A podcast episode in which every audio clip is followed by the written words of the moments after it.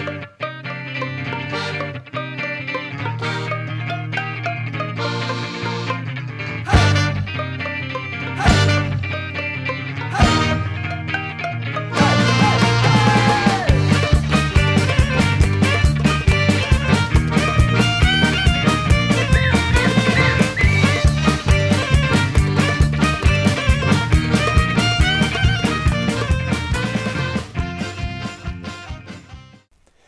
välkomna ska ni vara till ett till avsnitt av eh, Whiskypodden.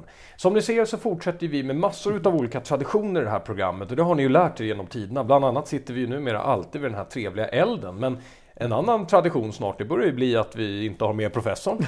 Nej, har han fått råka ut för någon olycka eller vart är professorn? Man, man, man kan tro det, men han har, han har väldigt mycket att göra. Eh, även inom whisky. Så Ja. därför idag så har vi spejaren här istället. Precis. Mm. Så lite en repris på Braunstein fast i hemmamiljö. Succéavsnittet. Ja. Ja, precis. Herregud. Braunstein fast i hemmamiljö. kan, kan inte du ringa Micke Braunstein och fråga vad han tycker om den? Ja, Vi ska höra. Jag tror han kan vara öppen för idén. Eh, vi har ett jätteroligt program idag. Eh, idag ska vi nämligen prata om en hel del nyheter. Eh, vi har ett helt axplock med oss här från eh, Symposium framför oss som vi ska gå in på. Vi ska prata Koval. Det ska vi göra. Eh, och sen så tänkte vi att vi ska summera lite vad det är som har hänt under januari, februari och mars i whiskyvärlden. För att nu är det ju en intensiv period, Spejarna. Vårperioden och vinterperioden, den är intensiv. Ja, eh, framförallt nu efter Cinderella som kickade igång året och då avlöser ju mässorna varandra här Mm. innan det blir sommaruppehåll sen då till slut och vi kan andas ut igen. Exakt. Och för er som nu ska på mässor eh, så passa på för nu kommer några av Sveriges absolut bästa mässor snart. Det är både Malmö här nu i mars och sen så är det Göteborg i april och vi är konferencier på bägge två. Så det, det tycker jag framför allt att man inte ska, ska missa. Då ska ju professorn vara på plats också. Då, då hoppas vi att även han, han är en li- liten del av paketet om man säger så. så Ja, att, eh, jag kommer kanske att finnas på plats i Göteborg. Göteborg, men, eh, nej, det ska bli en spännande vår. mm, nej, men det blir kul. Du, eh, ska vi börja med att du pratar om den här Kovallen då? För Mm. nu, nu tror jag här att eh, för de som är lite insatta i whisky de har nog hört talas om att det kan finnas någonting som heter Koval, att det är lite annorlunda. Man har funnits Mm. med på Stockholm Beer Whisky. Men för någon som är, är en novis eller kanske inte Mm. i den högsta intressegraden, då har man nog aldrig hört talas om något som heter Koval. Vad är, vad är Koval? Eh, Koval är ett amerikanskt destilleri. Ganska nytt faktiskt. Det grundades 2008 i Chicago, eller strax utanför Chicago. Och eh, de vill göra väldigt organiskt med lokala producenter. Och man började lite försiktigt, men nu har man all produktion som man behöver på destilleriet och handlar fortfarande lokalt och organic på engelska, men jag vet inte om det är svensk ekologisk stämpel, men det är det de vill uppnå i alla fall. Men, men vänta nu, så du sa att de är amerikanska alltså? Mm. Eh, Precis som Westland är också. Eh, Det kommer mycket intressant från, från USA, men när jag hör Mm. USA då tänker jag ju bourbon. Ja, eller hur? Det är ju det naturliga med USA. Deras bourbonkultur är ju väldigt stark där. Eh, Och det har ju också exploderat. Alltså craft bourbon idag är ju nästa craft beer är ju många. Det poppar upp destillerier här och där nu. Det är fullständig boom. Eh, Men nej, Koval, de har tagit fram en whisky bara för den svenska marknaden. Okej, Och det är en maltwhisky. Eh, Så den är, det står single barrel på den.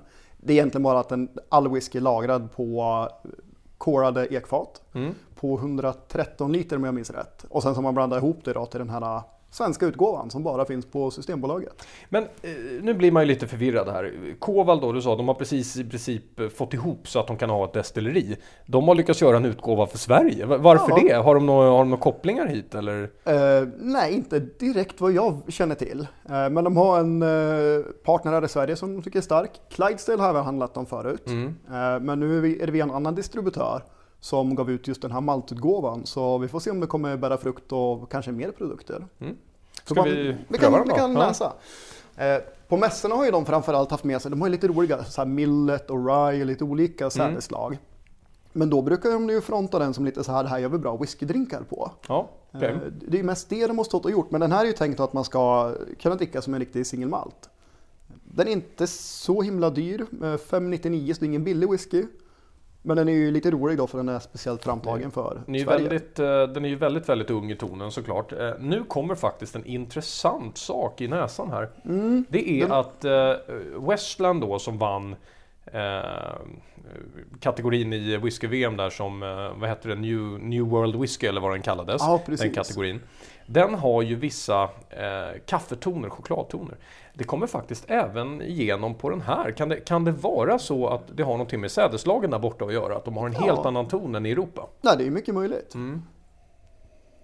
Och den är också, alltså den, den doftar väldigt enkelt och rent. Man skulle i ett blindtest kunna gissa att den här kan vara en japansk också, någon ung japanare. Ja visst, absolut.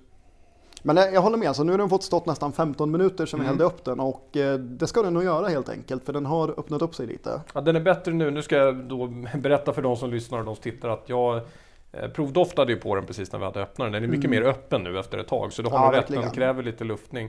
Sen har jag lite problem med den här gummitonen som kommer i eh, eh, på näsan. För det finns en, en gummiton som kommer igenom som jag inte tycker gifter sig helt bra med de här chokladtonerna. Men där är ju, Mm. smaken är ju individuell trots allt. Jag tycker ändå den är inlindad lite grann i typ röda äpplen den här gummitonen. Så jag tycker inte den är påträngande. Men som sagt, smak är ju... Visst är det alltid bra också att dra upp sådana här smaknoter som professorn aldrig kan hitta? Nej, perfekt. Röda äpplen och nötter, då är han, då är han helt borta. Alltså det. Ja, vi prövar då. Mm.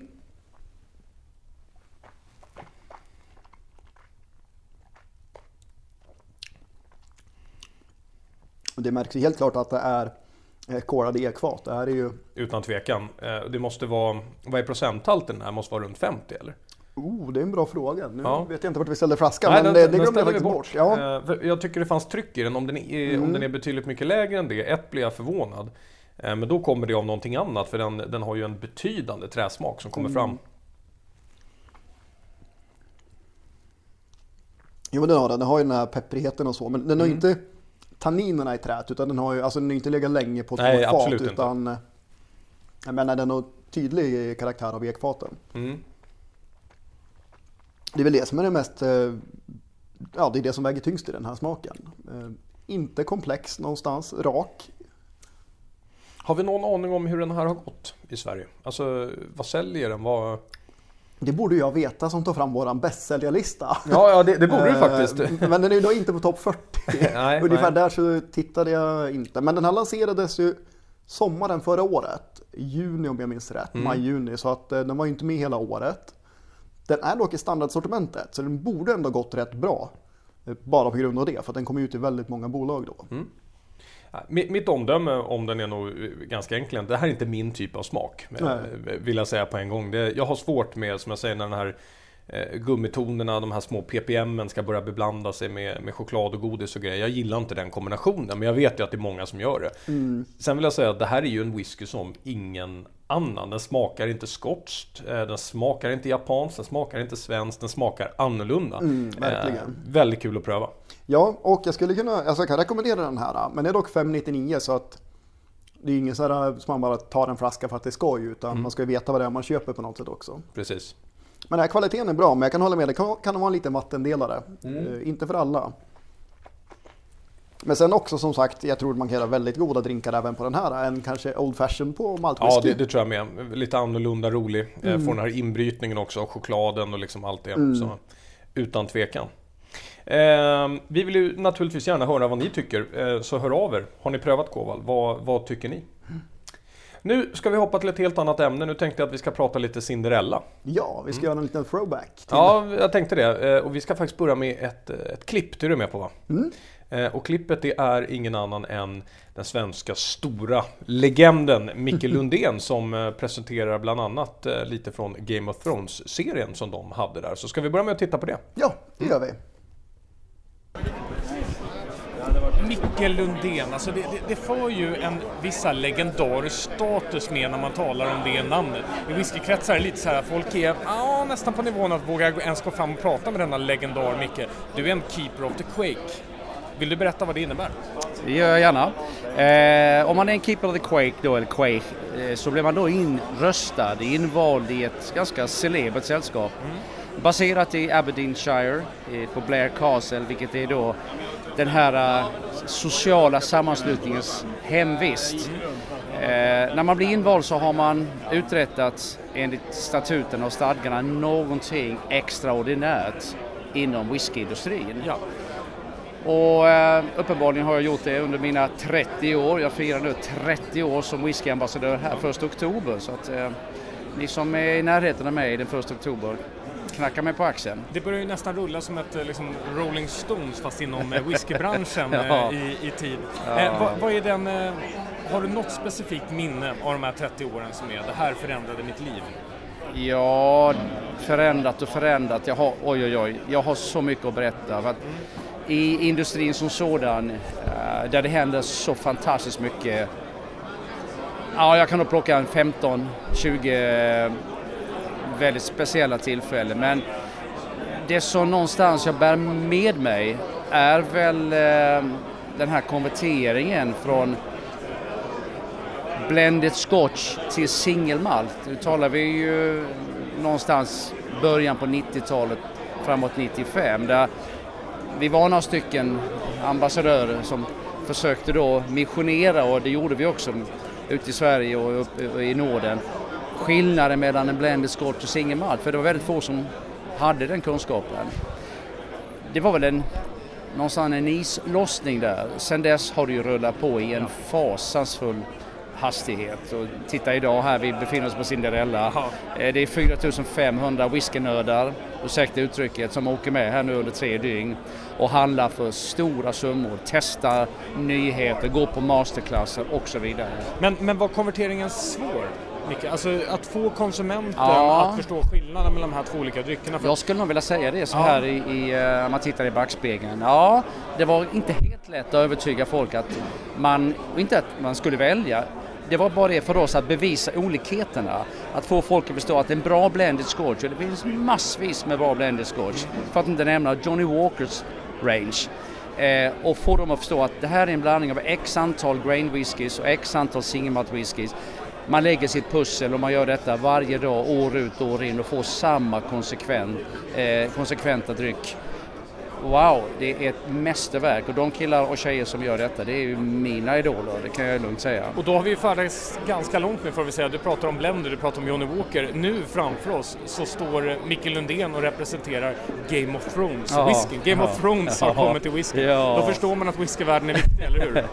Ja, det här är spännande. Vi, vi har då sedan ett år tillbaka samarbete med HBO eh, som äger då rättigheten och har skapat den här serien, George W.R. Martin.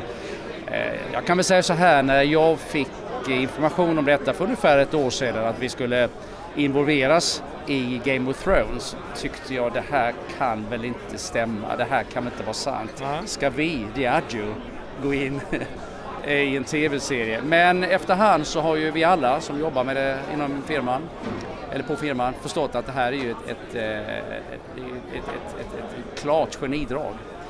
Vi lanserade den i USA i november, det har stuckit iväg. Vi lanserade den i Sverige på Systembutiken den 4 april 4 april. och då släpper vi 501 flaskor av vardera och det är åtta stycken familjer. Eh, åtta stycken klaner Ja. som då representerar då Game of Thrones. Pris eh, på systemet mellan 400 kronor upp till 700 så det är inga jättepengar.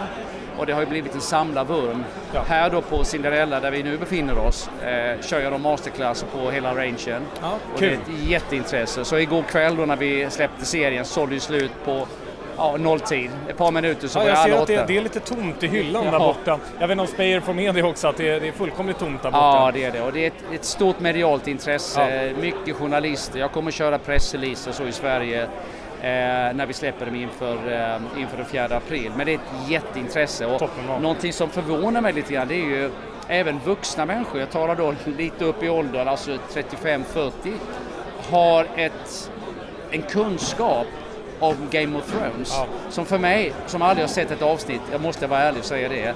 Min son älskar det och han säger pappa, nu får du väl skärpa till. Har du inte sett Game of Thrones?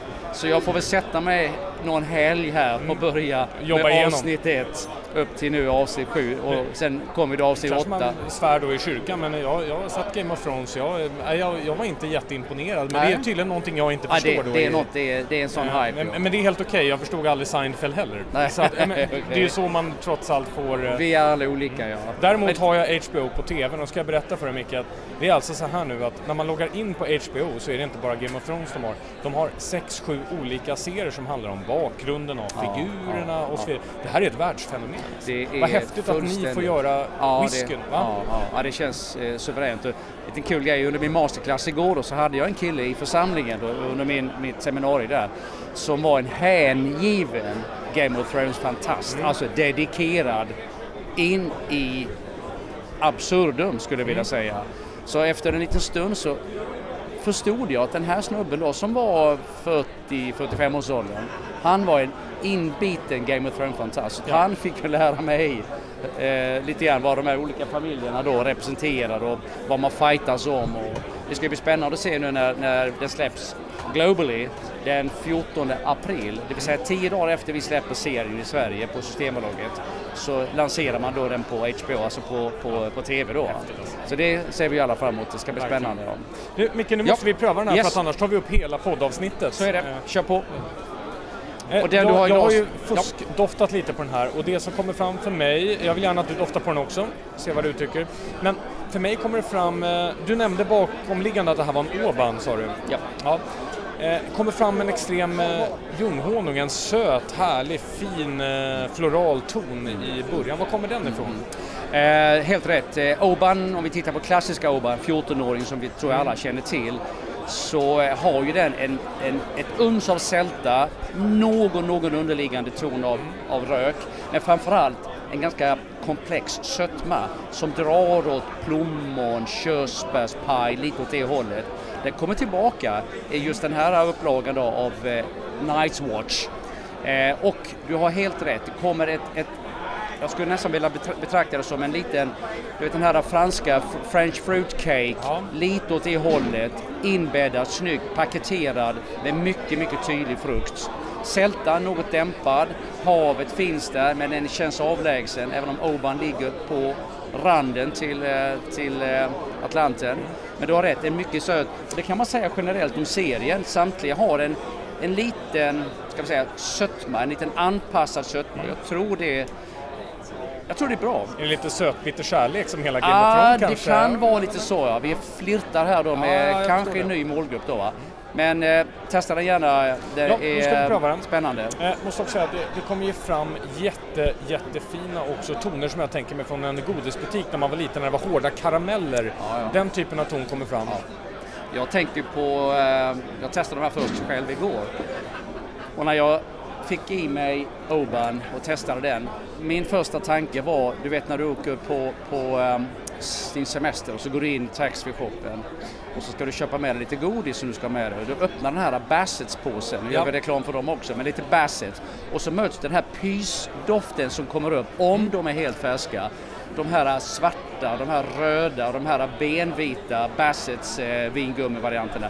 Väldigt mycket sånt hittade jag igår i denna Det är Oban. kul att du just nämner vingummin för att eh, det var en av de första tonerna som jag Det fick fram. Och då tänker jag Ja. framförallt alltså vingummorna med svart vinbär och hela Ja, det. jajamensan. Det här är en liten annorlunda whisky på det sättet att den har ganska lite whiskysmak. Eh, måste jag. Alltså den klassiska maltwhiskytonen är lite eh, bortgömd här. Vi Mm. pratar sötma, härliga karameller som kommer ovanpå och sen i smaken Väldigt, väldigt trevlig. Ingen lång eftersmak, eh, förmodligen för att det, är en liten yngre ålder på den, vilket inte är konstigt i, i sig. Men vingummorna bara snurrar i munnen. Och det är återigen, Mycket bra samlarvärde, för att det är ju inte helt ovanligt att det som är en samlarwhisky inte har bra kvalitet. Eh, Men här har vi ju bra kvalitet också. Och det har du på samtliga åtta i serien. Eh, Och du, för att komma tillbaka lite grann till det vi har just nämnt här, den här sötman som jag finner det ligger en liten, en liten strimma av en eh, skön så att säga, sensommarsötma. Du vet äpplen, alla bigarråd, alla träd dignar, plommonträden dignar. Det finns det genomgående och några andra som står ut, nu har vi Oban framför oss, men några andra som jag vill lyfta för de som gillar stilen, Royal Loch Nagar, fullständigt fenomenal. Glenn Dallan som är lite okänd i Sverige, eh, också en, en helt fenomenal, ska vi säga, liten, liten, liten ton av sötma som, som kommer fram. Och Ja. Vi märker också det att väldigt många tycker att eh, visst, Isla whisky och västkustwhisky är fantastisk. Men många är, håller på att bredda sitt sortiment. Så ska vi gå tillbaka till 95 när vi började vårt samtal så var vi ju väldigt, jag säger vi här i Norden, väldigt insnöade. Det skulle vara kompakt, tuff whisky, ganska ensidig, det skulle vara hög alkohol, det skulle vara så mycket, mycket drag av västkusten som bara gick att få. Idag ser vi att publiken har svängt. Ja. Mycket highland whisky, mycket fastlandswhisky, whisky som har en bredare palett. Nu söker man lite andra attribut i sin whisky. Mycket av det som vi har framför oss, nämligen sötman, vill komma fram. Och kombinationen den med choklad eller en ostbit eller någonting annat har ju blivit mer så att säga legitimt. Att man testar och försöker hitta sin bästa matchning. Yes. Härligt! Du, Micke, jag tackar jättemycket för att vi fick vara här. Och tack Välkommen, för du att är du var alltid med i välkommen, det vet du. Ja. Härligt! Då säger vi så. Härligt. Tack! Tack så mycket. Gott. Tack. Ja, väl tillbaka här då, då i vår nya studio som vi kallar den. Det är li- lite mysigare här än i den gamla studion. Ja, det är lite hemma hos-känsla här. Det kan ju bero på att vi är hos mig också. Ja, Det, det kan ju vara känslan. det kan vara därför. Eh, Micke Lundén, finns det mer inarbetade provare i, i Sverige och ambassadörer än han? Han måste ju verkligen vara topp två. To- Topp Alltså, två? Topp ett, topp två. Men alltså, nej, han är ju, alla känner väl till Micke. Mm. Alltså, verkligen. Han är nog mest namnkunnig av, av alla. Ja, häftig kille. Och eh, Game of Thrones-serien då, innan vi pratar generellt om Cinderella. Vad är det då? Är, är det en gimmick-serie? Eh, Mm. Eller är det här bra på allvar? Det har ju debatterats friskt här. För att Mm. mycket ser det som en eh, cash grab av Diageo liksom. Nu ska vi trycka ut utgåvor här och ta pengar från fansen och Game of Thrones. Och till viss del så ja, det är ju en gimmick så. Alltså man anspelar ju hårt på serien och liksom Mm. alla de här olika husen då som finns. Men det är heller inte dålig whisky. Nej. Så att även om det är en gimmick-serie så, så tycker jag ändå att ja, de har väl inte bara tryckt ut dålig vätska som de inte kunde sälja någon annanstans utan det är ändå en stabil range och eh, kul sak att ha i hyllan. De är lite läckra. Eh, Mm. Har du, har du själv också. några i hyllan? Nej, faktiskt inte. Du, du vill ha? Eh, jag skulle kunna tänka mig. Men du, hur var, hur var kryssningen då i år? Bättre, sämre eller vad, vad var ditt intryck? Alltså för mig personligen så var det ju jätteroligt för att vi jobbade inte så mycket på kryssningen utan Mm. Nej. det var mer att vara där av personligt intresse. Mm. Så jag drack mindre whisky än vad jag gjort någonsin på båten. Men otroligt mycket folk som jag pratade med. Så det var, det var väldigt trevlig kryssning så. Alltså, och jag tycker nog att det var inte lika hårt tryck på golvet som jag upplevt att det var vissa år när det är väldigt stimmigt och eh, ja, lite mer balanserat. Det tycker faktiskt inte jag heller. Samtidigt fick jag uppgiften då på efterhand. eh, Och det behöver inte ha med torsdagen att göra. För att jag upplevde också att det var ganska, eller var skön, alltså uttrycket luftigt. Det betyder ju alltså här att har man sålt 5% mindre så blir det ju luftigt och skönt nere på golvet. Ja. Eh, Samtidigt fick jag höra att de hade ju absolut rekord både på fredagen och lördagen. För då fanns det inte en hytt alltså. Oj. Så ehm, Ja, vi kanske hade tur då att det var glest på torsdagen den här gången. torsdagen är ju väldigt bra. Får man ge tips till lyssnarna här så är det ju eh, torsdagen då är liksom allting är nytt, alla Mm. är pigga. Eh, det, det finns många fördelar med att åka torsdag. Ja. Det som är bra med att åka lördagen är väl möjligen att alla som jobbar på provningarna, det är ju sista provningen de gör. Så att då kan man ha ganska mycket i glasen om man vill det. Ja, okej, om det är ens fokus då, Ja. då, då kan man passa på att åka. Ja, ja, jag fattar. Det, det beror på vad man har för intresse, men absolut torsdagen är ju överlägsen. Dessutom finns ju hela utbudet på plats då. Mm. Precis. Vissa saker säljer ju slut. Vad, vad handlar det för något då? Oj, vad köpte jag i år egentligen? Nu, nu var det så länge sedan så nu måste jag fundera. vad, vad köpte du? I princip ingenting. Nej, Nej, men jag köpte ju Spirit of En. Eh, köpte jag ju. just det, deras eh, nya eh, Rye-variant. rye Ja. Ja, ty, ja, jag tycker jag är väldigt häftigt. Kul att se hur de, hur de har arbetat med både sina fat och sädeslag tycker jag. Sen Ja. köpte jag ju faktiskt den här, jag vet inte om den syns på bilden nu, men det är ju en gammal hedlig Glenfiddich 25 faktiskt. Eh, Och varför köper man en sån då? Jo, det gör man därför att Glenfiddich i åldern över 20 kan nästan inte slå fel. Nej, och vilken häftig Missionara-lagring vi fick smaka där. Ja, den, den var häftig, det får du gärna ja. berätta om. Eh, jo, men vi var ju såklart hos Glenfiddich då och eh, de hade med sig lite fatprover som inte går att få tag på egentligen. Och en av dem var en 19-årig Missionara-lagrad Glenfiddich. Och vilken skjuts det var i den alltså. alltså det var ju Glenfiddich uppridet till max och mer ändå. Mm. På den åldern också. Så nej, jag är otroligt imponerad av eh, det fatet. Det måste vara det. Mm. Det var riktigt fint. Det var ballt. Ja, det var det. Rekommenderar du lyssnare att åka på? Cinderella? Ja. Eh, ja och nej. Jag tycker den har tappat lite i kvalitet. Förut fanns det alltid massa nyheter och saker som man inte kunde få tag på nästan någon annanstans. Idag är det ju mer, visst det är ett superutbud och det är ju mycket branschfolk där så det är ju kul därför. Men det är svårt att hitta de här guldkornen idag. Okej, så det har blivit svårare helt enkelt. Mm. Eh, kan också bero på att det är en väldigt populär. Eh, Det är det ju absolut. Ska man åka så köp biljett tidigt för det, det säljer slut. Gör det. ja, det gör ju det. Mm. Eh, vi- ska göra så här, vi ska prata lite om Uppsala också tänkte jag. Men eh, till att börja med så har vi en ny serie framför oss här också. Det är tre glas. Vad är det för någonting vi har här? För det här är nyheter. Ja, eh, det är Coopers Choice, tre stycken. Mm. Eh, Coopers Choice, alltid single cask. Ja, Så det är också lite kul, alltid unika buteljeringar då. Man vet inte vad den ena och nästa är utan då måste man prova helt enkelt. Mm. Generellt sett så håller de bra kvalitet. Eh, Och idag har vi två grain whiskys med hög ålder, 27 och 31 år tror jag att de är. ja. Eh, Och så har vi en eh, Ardmore också. Mm. Spännande med en slutlagring på, var det sherry eller något liknande? Mm. Ja, en väldigt kul. Oloroso finish har den fått. Så äh, det ska bli också kul. Ska vi börja med den här första här då? Det är en, är det en North British den första här. Eh, väldigt, Ja. väldigt trevligt. Så vill jag tacka också Symposium som har skickat de här och de här släpptes då alltså eh, 8 mars Ja. eh, på Systembolaget, alla tre va? Mm. Eh, fanns fortfarande tillgängliga idag, Mm. den nionde. Så att eh, skynda er till bolaget om det här är något som ni är Oj. intresserade av. Man märker ju direkt att den här grain-tonen den kommer ju fram, den har, ju- den har ju nästan en sån här saftsötma ibland, Mm. eh, grainen när den har legat så här pass länge. Ja, men den är väl riktigt fruktig och lite smörig också. Ja. Liksom. Sen har ju grainen en betydligt mycket mer bitande aceton, eh, Ja. tycker jag. Som, den, den kommer alltid fram genom, genom grainen. Ja, i Eh, princip alltid, även med ålder på den, Ja. så den ligger kvar där. Mm. Och det där gillar man ju eller inte, om man säger så. Jag tycker att det ger en liten extra puff. Eh, Ja, jag tycker det är häftigt liksom, med gammal grain och smaken kan vara otroligt fin. Mm. Det är ingen så riktig explosion som den kan vara på singelmalt. Men ändå otroligt. Det kan vara oftast fruktigt och sött där så gillar man inte det så ska man ju hålla sig borta. Exakt, ska man hålla sig långt borta. Men eh, New British, det ligger i Edinburgh. Det har Mm. funnits ganska länge. 1885 eh, satte man upp det. Och det var faktiskt för att mota bort, eh, jag tror de hette DLC eller DCL. Ja, Eh, dagens Diageo ja. Precis. Giganter på den tiden Mm. hade ju liksom monopol på marknaden nästan. Så det var det lite rekorderliga människor som tyckte att Nej, men så här kan vi inte ha det, vi måste ha flera spelare på marknaden. Mm. Och startade det här i Edinburgh då. Och idag ägs det ju av Edrington och Diageo. ja, Samägt. vilken härlig kombination får man ju säga. då. ja. Eh, Och den här ingår då i Famous Grouse också. Mm. Gör den. Så North British eh, kort och gott, är alltså i majoritet så skickar de till Blended då? Eller är det därför man Ja. inte känner till varumärket så eller? Nej men absolut. Och, och så är det ju med alla grain destillerier. Mm. Ja. Det är ju... Och de gör bara grain, de gör ingenting annat eller? Nej, det är re- Ja. Mm. rent grain destilleri på. Ja, jag gillar ju smaken på den här faktiskt. Så här härliga så här körsbärstoner, jordgubb. Mm. Rullar lite runt i munnen. Sen, det verkar ju vara lite dagens tema att vi provar saker som inte riktigt är eh, den klassiska whiskystilen. Nej, verkligen tänker på vi inte. provade Kova, nu provar vi det här. Eh, Den är ju väldigt annorlunda. Eh, Tveksamt om jag hade satt Skottland ens på den här. Om jag hade Nej. fått gissa. Det är svårt på en vinprovning på den.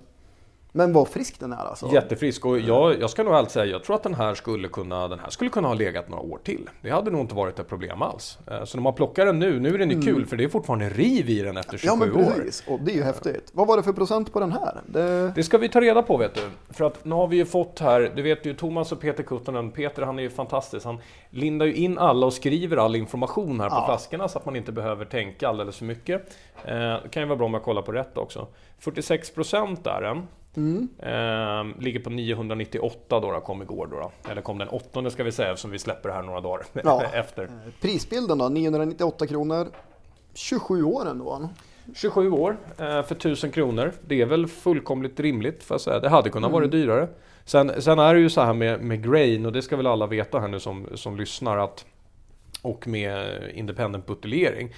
Eh, För det novisa ögat kan det nog ibland vara svårt att förstå prissättningen för att det skulle kunna komma en North British imorgon som kostar 2,5 också. Ja, Eh, Som då, där man då har kommit fram till att just det här specifika fatet är ju mycket, mycket mer unikt Mm. och så vidare. Men jag tycker det är ett rimligt pris, 27 år, eh, Ja. 1000 kronor. Annorlunda, rolig, rolig Mm. whisky.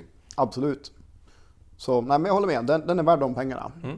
Jag, jag hade nog köpt den för den, de pengarna. Mm. Den, den finns ju tillgänglig som Mm. sagt. Ja. Precis. Alltså, jag kanske köper upp dem nu. Jag gav ju dig faktiskt ett eh, annat tips på tal om eh, symposium idag. Det var ju faktiskt Mm. rom som jag skickade ut helt plötsligt i tråden. Ja, precis. Oväntat så rekommenderar doktorn en rom här. Ja, Ehm, Companero va? var det som jag rekommenderade. Och jag vill bara nämna den för att eh, det är faktiskt den häftigaste rommen jag har prövat. Den har ju sålt extremt bra också. Eh, det var Thomas Kottanen ställde fram den här framför mig och sa bara det här ska du smaka på. Den, den hade alltså en ton av bara choklad och kaffe. Ja. Jag, jag trodde först att det var likör innan jag satte den i munnen. Den var Ja men bra rom kan man alltså. verkligen tro det är likör. Eh, Jag håller helt med där så att, ja men spännande. Jag har inte provat den själv så det ska vi nog se till att göra. Mm, ska vi göra. Uppsala då, eh, det var ju också häromveckan då. Det är väl, eh, ja det är ju, nu ska vi inte hålla på har vi sagt och säga det var då och då utan vi ska säga datum men det var i slutet av februari i alla fall. Ja, jättekul evenemang även i år eller vad säger du? Absolut. Och du och professorn körde ju två dagars program där med Mm. whiskyskola och eh, prisutdelning, scenshow. Och, nej, det var ju riktigt kul alltså. Mm. Och eh, även numera doktorn då i ölskolan Ja, tillsammans med CC. Alltså, det var ju ett riktigt bra, riktigt bra radarpar får man säga där. Vi kanske får köra en kombinerad whisky och öl-safari. Mm, den, det är faktiskt så att ehm, den kommer tillbaka igen, ska jag säga, den här ölskolan och whiskyskolan. För de kommer ju hållas då i Malmö och Göteborg också. Eh, och jag kommer faktiskt vara delaktig även i ölskolan där ifall man vill se en eh, idiot göra bort sig. Ska vi riva av det på en gång? När är Malmö och när är Göteborg? Ja, hade jag nu haft datumen rakt i huvudet så hade jag ju kunnat säga det. Men Malmö är ju då alltså nästa helg. Så vad blir det då? Det blir 13-14 Mars, det Mars då, där ja. någonstans ja. Mm. Eh, är de, börjar på, börjar på fredagen. Eh, vi har program hela dagarna förutom fredagen då vi börjar lite lite senare och det beror ju på att alla ni ska lyckas hinna dit eh, såklart. Så jag tror att vi har första programmet på fredagen är klockan 18. Sen har jag för mig att det är faktiskt 18, 19 och 20 som det är program den dagen. Späckat program alltså. Jättespäckat, eh, men väldigt kul därför att vi kommer inte bara ha whiskyskola och ölskola, vi kommer även ha en drinkskola med Mr GT som han kallas, mrgt.se. Så där. Så han ska lära mig blanda gin and tonics Ja. eh, den dagen. Eh, Och dagen efter så är det väl ungefär samma program men då ligger det lite tidigare på dagen så passa på att vara där i tid. Jag tror första Mm. programmet börjar klockan 15. Ja, det låter som en underbar paus om man har varit där tidigt. Gått på mässkorvet, lite trött i fötterna. Sätter sig ner och tittar på scenshowen, varför inte? Precis. Eh, Och jättekul, och kom gärna fram sen efteråt och ställ lite frågor också om ni, Mm. om ni vill det. Ja, nummer två här då som vi har fått från symposium släpptes då också åttonde i tredje. Det är då en Inver Gordon 1987. Det är ju våra åldrar här nu. Ja, eller hur? Nu Ja, börjar det bli riktigt fint det här. blir bra. 47,5 procent. Eh, 40383 är artikelnumret, 1295 eh, kronor. Och det här är då också eh, Grain då. då. Mm. Inver Gordon, mycket yngre än eh, New British. Det här är alltså från 1960. Upp, öppnar de. Eh, norr om Inverness, så det är väldigt högt upp Ja. i Highlands. Så ja, det ska bli spännande att se. Mm, en helt, mycket, mycket, den här kastanjetonen som kommer eh, rakt här doften. Har ju mycket bredare doft än vad den första hade. Kastanj var det första du tog till orda alltså. Ja, det var är lite kastanj var det första som kom upp. Jag, jag såg hur kastanjen kom flygande så här mot Ja. mitt huvud. Eh, det gäller att eh, lägga upp visuella saker när man... Eh, vi kanske skulle kunna göra ett eget program bara om de visuella synerna jag har i kombination. Men lite mer försiktig, alltså den... Mm, den här behöver faktiskt öppna upp lite. Mm, men eh, nu har den ändå stått nästan 20 minuter så jag hade nog... Mm, men nu, nu när du gav den lite luft så här så kommer ju faktiskt den välkända acetontonen kommer ju då fram. Men jag vill ju säga att den här är lite nötig också. Mm. Och det är inte så ofta jag hittar i grain tycker jag. Det var därav kastanjen. Kastanjen var det första Jo, som kom jo, upp i mitt huvud. men, ja. Professorn hade ju inte känt några nötter i den här. Nej. Han, eh, det är ju omöjligt för honom. Men oj, vilken smak! Ehm, oj, vad bred och härlig. Jättehärliga röda äpplen, äh, äppelkompott eh, och en, mm, en härlig stuns där som kommer som en, en bakelse som man fick när man var liten och fyllde Mm. år, när man fick en riktig jordgubbstårta. Eh, jätte, jättefin finish. Den här, eh, för mig personligen, är den här överlägsen den första faktiskt. Eh, Ja, det här är mer i min smak också. Mm. Den förra en frisk 27-åring om man säger så, men den här har faktiskt fått ålder i fatet. Den, den är ju faktiskt lite som oss också. Det vill säga att 27 det var ju en okej ålder, men vi är lite bättre nu. Vi sa den här var 31 va? Då? Mm. Mm. Nej, den här bara, den bara växer och växer, ska jag säga. Här är- Jättehärlig. Här, här måste jag säga att den förra kostade 998 sa vi, mm. den här kostar 1295. Eh, här vill jag till och med nästan slå ett slag för att det, det här det är, det är prisvärt alltså. Jo men det är det verkligen. 31 år med den här fortfarande powern i den. eh, Om, om den förra var rimligt prissatt så är den här precis prisvärd och Mm. eh, det här är riktigt häftigt. Det här är inte något man förväntar sig. Alltså grain för mig det är ofta liksom sött och roligt och annorlunda. Ja. Men här har du ju mycket mer. Som sa, det här är ju liksom mogna röda frukter och bär och Jätte, lite vinös åt det hållet med dem liksom. faktiskt väldigt, väldigt vinösa trevliga toner. Eh, mörka, mörka frukter, mörka bär. Eh, det som är häftigt med den är att vi har ju ingen träpåverkan efter 31 år. Alltså det, det har inte hänt någonting. Eh, jag känner ju att det kommer en pepprighet på slutet men eh, lite som jag sa först, den här hade ju utan problem säkert kunnat ligga 10 år till. Det Ja, finns knappt träpåverkan alltså. Nej. Efter 31 år, det är ju helt makalöst. Ja, alltså antingen så är det ett superkompakt fat eller så är det en refill. Mm. Så, och mest roligt är en refill med den åldern och inte så mycket. Den här kommer jag spara. Den ska jag dricka efteråt. Ja, nej, men jag. verkligen. Ja, ja, den, den var riktigt trevlig. Ska vi hoppa på sista här då? Och då är det ju en, en kär gammal vän. Den här har jag köpt i lite, lite tid och otid. Eh, och det är ju Ardmoren 2008. Mm. Sherry Cask Finish. Nu är det ju ingen poäng att jag visar upp flaskan här eftersom det är en miniatyr. Men Jag gör kan klippa in det i bild de här sen kanske. Vad fint. Eh, den har då en Sherry Cask Finish. Eh, Ardmore för de flesta. Jag vet att Ardmore bland annat säljer väldigt bra i Finland. Mm. Eh, rökig ton, eh, men betydligt mycket billigare än sina Ayla kusiner, eller var ju då i alla fall på den tiden. Ja, för den här är ju också en Highland whisky. Yes, det är det. 769 kronor för den här specialaren. Ligger ganska långt inåt landet där så de har väl bra torv där inne på fastlandet också. De har det och för mig kanske det viktigaste med Ardmoren är att den inte har den här inlandsgummiröken, den har en annan rök. Eh, sen exakt vad det beror på, det vet jag faktiskt inte för så inläst är inte jag på Ardmore. Men jag tänker ja, men på... lite mer torr rök eh, och eh, sådär. Men Lite jag tänker eld. på Tomintal som var ju här och spelade in med oss ju för ett tag sedan. Mm. Det var ju också en väldigt annorlunda rök. Alltså det var inte den vanliga inlandsröken utan man använde speciell torv, gjorde den på speciellt sätt. Och jag får lite samma bild här att de kanske har ett eget sätt att göra det här. Det får vi ta reda på. Ja, det vi får in och fråga Thomas Kotanen hur det här går till egentligen. Ardmore för övrigt ingår i Teachers. Gör det? Det visste jag inte Ja. faktiskt. Nej, det Vad är kul. en komponent där i. Den har ju, den har ju sin signatur här i. Alltså det Ardmore har, eh, till skillnad från eh, kanske många utav de andra som ligger där i högland, är att den här är mer tung på päron än på äpple tycker jag. Eh, den har tydliga, tydliga pärontoner som kommer Mm. upp. Och då menar jag alltså en frisk, alltså mogen, eh, moget päron. Så det är inte de här pigelintonerna vi talar om, utan den är väldigt, väldigt framstående. Nej, men den har verkligen lägereldsröken. Jag vet inte Ja. om det är för att vi sitter bredvid en eld också, men alltså rök ju... All, alla whiskys är så rökiga tycker vi. Eh, det är märkligt. Den här grainröken. Ja, grainröken ja. Mm. Nej, men för mig är det här riktig lägereldsrök liksom. Mm. Lite mysigt ute i skogen och man kanske får grilla lite och... Mm. Nej, jättefina toner. Eh, måste dock säga att den här sherryfinishen eh, görs ju inte påmind på, på näsan speciellt mycket. Den ligger och Eh, lurar, men nej, den är inte framstående. Vi får se i smaken, Mm. hur den gifter sig med röken. För det är, det är lite häftigt. Det är ju inte jättevanligt med kraftig sherry och rök. Så har de fått det så vi får se. Oj, och nu kommer ju bacontonerna också här vet du. Mm.